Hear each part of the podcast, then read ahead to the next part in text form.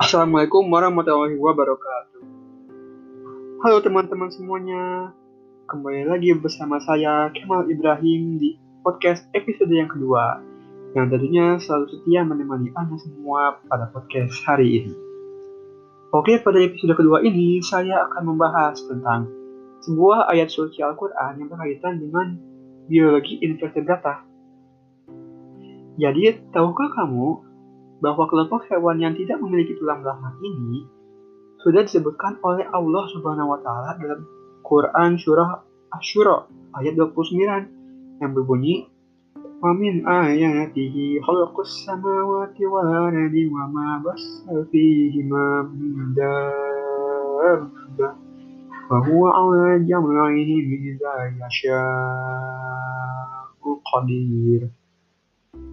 Yang artinya di antara ayat-ayat tanda-tandanya ialah menciptakan langit dan bumi dan makhluk-makhluk yang melata yang ia sebarkan pada keduanya.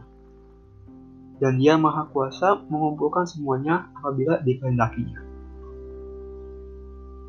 So, dalam perintah tersebut dinyatakan bahwa Allah Subhanahu wa taala telah menciptakan berbagai hewan melata di seluruh penjuru bumi ini atas kuasanya. Nah, terbukti bahwa banyak sekali berbagai jenis hewan invertebrata yang ada di dunia ini. Dan hewan kelompok hewan ini adalah kelompok hewan yang paling besar di antara kelompok hewan yang lainnya di dunia ini. Nah, maka dari itu, marilah kita selalu mengagumi ciptaannya dan kuasanya.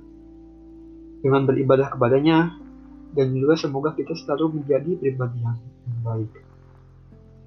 Mungkin cukup sekian podcast pada episode 2 ini. Terima kasih telah setia untuk mendengarkan podcast hari ini. Mohon maaf apabila ada salah-salah kata dari saya. Wabillahi taufiq wal hidayah. Wassalamualaikum warahmatullahi wabarakatuh.